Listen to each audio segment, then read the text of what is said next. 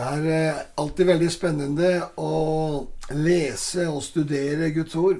Og eh, ved Den hellige ånds hjelp få lys over det. For jeg tror eh, personlig at det er umulig å forstå Guds ord og få innsikt i Guds ord og begripe Guds ord uten ved Den hellige ånd. Å lese Skriften uten Den hellige ånd, da fører det til mye rart, som vi har sett i, opp gjennom historien, at Guds ord det kan brukes til så mange ting når Den hellige ånd ikke er inne i bildet og ikke forklarer ordet for oss, slik at vi ser hva, det, hva som det egentlig står. Guds ord er jo egentlig Guds kjærlighetsbok til oss mennesker, hvor han ønsker å åpenbare hvem han er i, i kjærlighet. Men så er det slik at han vil åpenbare det for hjertet vårt, og ikke nødvendigvis for hodet.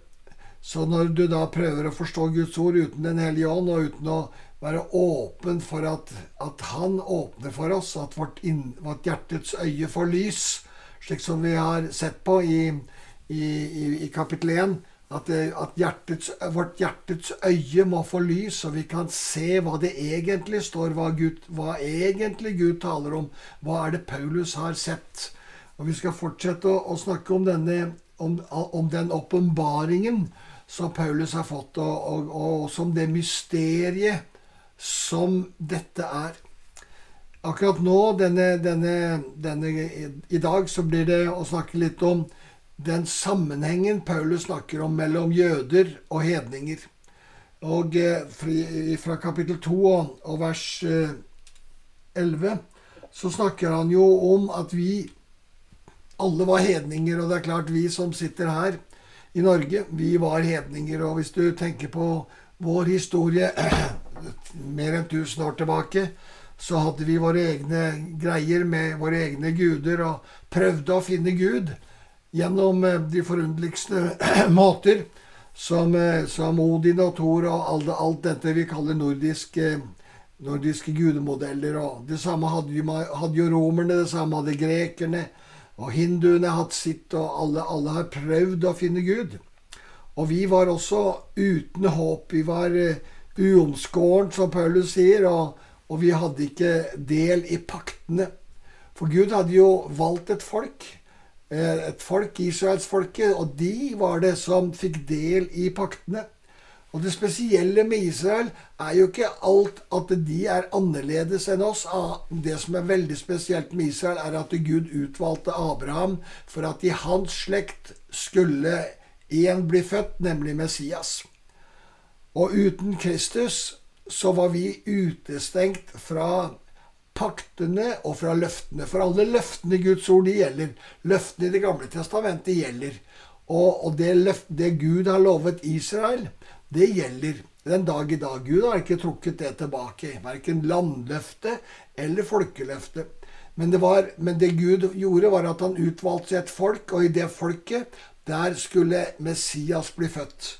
Og fordi dette var det spesielle folket, så var det ingen andre som på det daværende tidspunkt, altså før Kristus, kunne få del i paktene og løftene. Og så var det at den pakten Gud gjorde da gjennom loven med Moses, ja, den fun funker jo ikke, virk, virka ikke. Umulig å holde loven. For, for av syndefallet så var loven en umulighet. Det var umulig å elske Gud av hele sitt hjerte. Umulig å elske sin neste som seg selv. Alt dette var umulig. Loven var umulig. Men like fullt så er det altså at Gud da sender Kristus. Og nå bringes da håp for nå får vi del i løftene, vi får del i håpet, og vi får del i alt det som Gud har lovt og gitt, i, og, og, gitt gjennom det profetiske ord i hele Det gamle testamentet. Det er nå gått i oppfyllelse på ett eneste grunnlag, på grunn av Kristi blod. Fordi Jesus Kristus, ut, hans blod ble utøst, så er det blitt utøst ikke bare for at jødene skulle få, del i det, men for at vi som hedninger også skulle få komme inn. Og Dermed så fortsetter Paulus da her i vers 14, og så sier han For han er vår fred, han som gjorde de to til ett, og rev ned den muren som skilte fiendskapet. Altså, fiendskapet. Fiendskapet var at jødene var et folk, og hedningene var utestengt fra løftene og paktene. Men så kommer Kristus. Og dette er jo Abrahams løfte. For Abraham, i Abraham sto det jo at alle slekter skulle velsignes. Alle på jorda skulle, skulle bli velsignet. Og, og, eh, Abraham han bodde jo i, i, i ørkenen og i, i Bersheva, og der, der kunne han på nattestid så kunne han se stjernehimmelen, og så, og så sa, sa Gud at så mange som stjernene på himmelen skal din slekt bli, og du kan ikke telle stjernene på himmelen. og Jeg husker eh, for mange mange år siden så var jo jeg i Beersheba, og, og, da var det jeg og en til. Vi fant ut at vi leide en drosje. Og så sa vi til drosjesjåføren at vi skal ut i ørkenen hvor det ikke finnes lys. Og så gjorde vi det, og så la vi oss på bakken i stappende mørke, og så så vi på stjernehimmelen. Den enorme stjernehimmelen som da er, var over Beersheba den natta. Og Gud hadde lovt at eh, så mange som stjerner på himmelen, og så mange som sandkorn på, på stranda, så slik skulle Abrahams ett bli. Og slik har jo Abrahams ett blitt, fordi vi er, er en del av Abrahams slekt. Fordi Kristus gjorde brøt ned skilleveggen. Han gjorde de to til ett og rev ned muren som skilte fiendskapet. Det som gjorde at Gud måtte holde ha et folk som kunne han kunne bevare til Messias skulle bli født, så var det at han gjennom Jesu blod sier at nå er hele verden velkommen inn. Og dette er Guds mysterium. Dette er Guds forsett. Slik ville Gud gjøre det. Så er det noen som sier at ja, men kunne jeg ha gjort det på en annen måte? Det kan godt hende at Gud kunne gjort det på en annen måte. Men han valgte å gjøre det på denne måten. Og det er det vi skal få lov å forholde oss til. Sånn Gud gjorde det, sånn gjorde han det. Og hvem er jeg som skal si til min skaper hvorfor gjorde du det sånn? Kunne du ikke gjort det annerledes? Kunne du ikke gjort det sånn at det var litt mer logisk? Eller hva folk måtte finne på å tenke? Men Gud har valgt en vei. Og enten så velger vi å forholde oss til den veien, eller så velger vi ikke. Og velger vi det ikke, så mister vi taket på hva det hele dreier seg om. Så ved sin kropp, står det altså, ved sitt legeme, så opphevet han loven med dens bud og forskrifter. Dette er jo et voldsomt ord. Fordi loven Jesus oppfylte loven. Han levde slik loven skulle være, og han oppfylte loven til punkt og prikke. Og så dør han på korset, og så gir han oss noe helt nytt. Han gir oss seg selv i vårt hjerte, og han gir oss Ånden, slik at vi ved Ånden kan oppfylle loven. Ikke ved bud, men rett og slett ved å ta imot denne kjærligheten. Og Derfor så snakker han jo senere her om at gjennom ham har både vi og dere adgang til Far i én ånd. Det som er poenget, er at Jesus har lagd en vei, adgang til Far, står det her i vers 18. Eh, adgang til far i én ånd. Vi kan få komme inn til far, og så kan vi få lov til å bli elsket av far slik Jesus alltid var elsket av far. Dette er det fantastiske løftet. Dette er det Jesus ga sitt liv for, for at vi skulle få del i det som han hadde del i da han levde her på jorda. Altså at vi skulle få del i kjærligheten som far utøser hele tida. Altså ikke bare sånn teoretisk at far elsker oss. Nei, erfaringsmessig skal vi få kjenne at far elsker oss. At han kommer og rører ved hjertet vårt. At han forløser oss. Og denne freden som da Kristus kommer for å bringe, det er en fred som han gir, akkurat som far gir en fred og en kjærlighet. Han rev altså ned fiendskapet. Og han brakte oss sammen. Slik at i dag er det, ikke, er det ikke sånn at det er jøder og grekere, tre, slaver, treller eller fri, som Paulus sier ikke sant? i Galaterbrevet 3, 28. Og så sier han her er ikke jøde eller greker. Her er ikke slave eller fri. Her er ikke mann eller kvinne. Vi er ett i Kristus Jesus. Jesus har brutt ned, tatt et oppgjør med det skilleveggen, slik at Jødene har fortsatt sin spesielle plass i historien, men i Kristus er vi som tror på Jesus, enten vi er jøder eller grekere eller nordmenn eller hva vi måtte være, så er vi ett. Og det er ingen skille i den forstand, fordi vi er elsket av en Gud, vår Far, i Kristus Jesus, alle sammen på, på, på samme måte.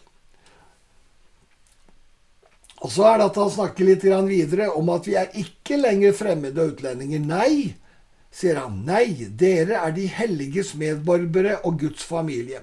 Altså, vi må huske på at her snakker Paulus til folk i Lille, Lille Asia, altså det som han i den gangen kalte Asia, eh, kysten av, eh, av uh, Tyrkia i dag. Han snakker til folk som jo ikke er jøder, men så sier han dere er nå medborgere og Guds familie. Og dette er det, Paulus bruker mange bilder. Han bruker at, eh, her bruker han tre forskjellige bilder, f.eks. For om hvem vi som menigheten er. Han snakker om at vi er Guds familie. Og senere så snakker han om at vi er et hellig tempel i Herren. Og til slutt så sier han at vi er en bolig for Gud i ånden. Altså, Paulus bruker disse forskjellige begrepene fordi Paulus forstår at menigheten er selve Guds mysterium. At menigheten er Guds jordens største under, som Ronald Fangen skrev en sang om, det er sant nok når du tenker på hva som har hendt gjennom historien, og hvor mye og hvor enormt angrepet på Guds menighet har vært helt fra, fra starten av. Og hvordan, det, hvordan, Kirken utviklet seg til å gjøre menigheten til en institusjon og gjøre helt tatt ødelegge noe av Guds plan for hva menigheten skulle være. Og så har det vært reformasjoner på reformasjoner som bringer oss tilbake mer og mer til hva Gud hadde ment at menigheten skulle være. For menigheten, den er nemlig bygd, sier Paulus her, på noe viktig. Han sier de er bygd på apostlenes og profetenes grunnvoll, med Kristus Jesus selv som hjørnesteinen. Hele fundamentet for menigheten er jo at vi tror på Jesus Kristus. Det er fundamentet. Og så er det en helt avgjørende ting. Apostlene og profetenes grunnvoll. Det er altså en del av fundamentet. Og hva er det som kjennetegner det? Jo, det kjennetegnes ved at de har åpenbaring. Det som gjorde at Jesus kunne si til Peter ved Cesarea Filippi i Matteus kapittel 16, 16, så sier han at eh, du er Peter. Altså Han spør jo hvem, hvem sier dere at de er, og så sier Peter du er Messias, den levende Guds sønn. Og så sier Jesus på deg Du er Peter, sier han. Og på den klippen vil jeg bygge min menighet. Og da har man tolket det dit hen at, at, at, vi må ha en sånn Peter videre. Liksom gjennom eh, eh, Slik at du, du, altså får inn dette med, med, med pavekirken og alt det der. Men det er jo selve åpenbaringen som er fundamentet. Peters åpenbaring av hvem Kristus er, nemlig at han er Messias, og han er Guds sønn, og som vi senere skulle se, ikke sant, han gir sitt liv for oss.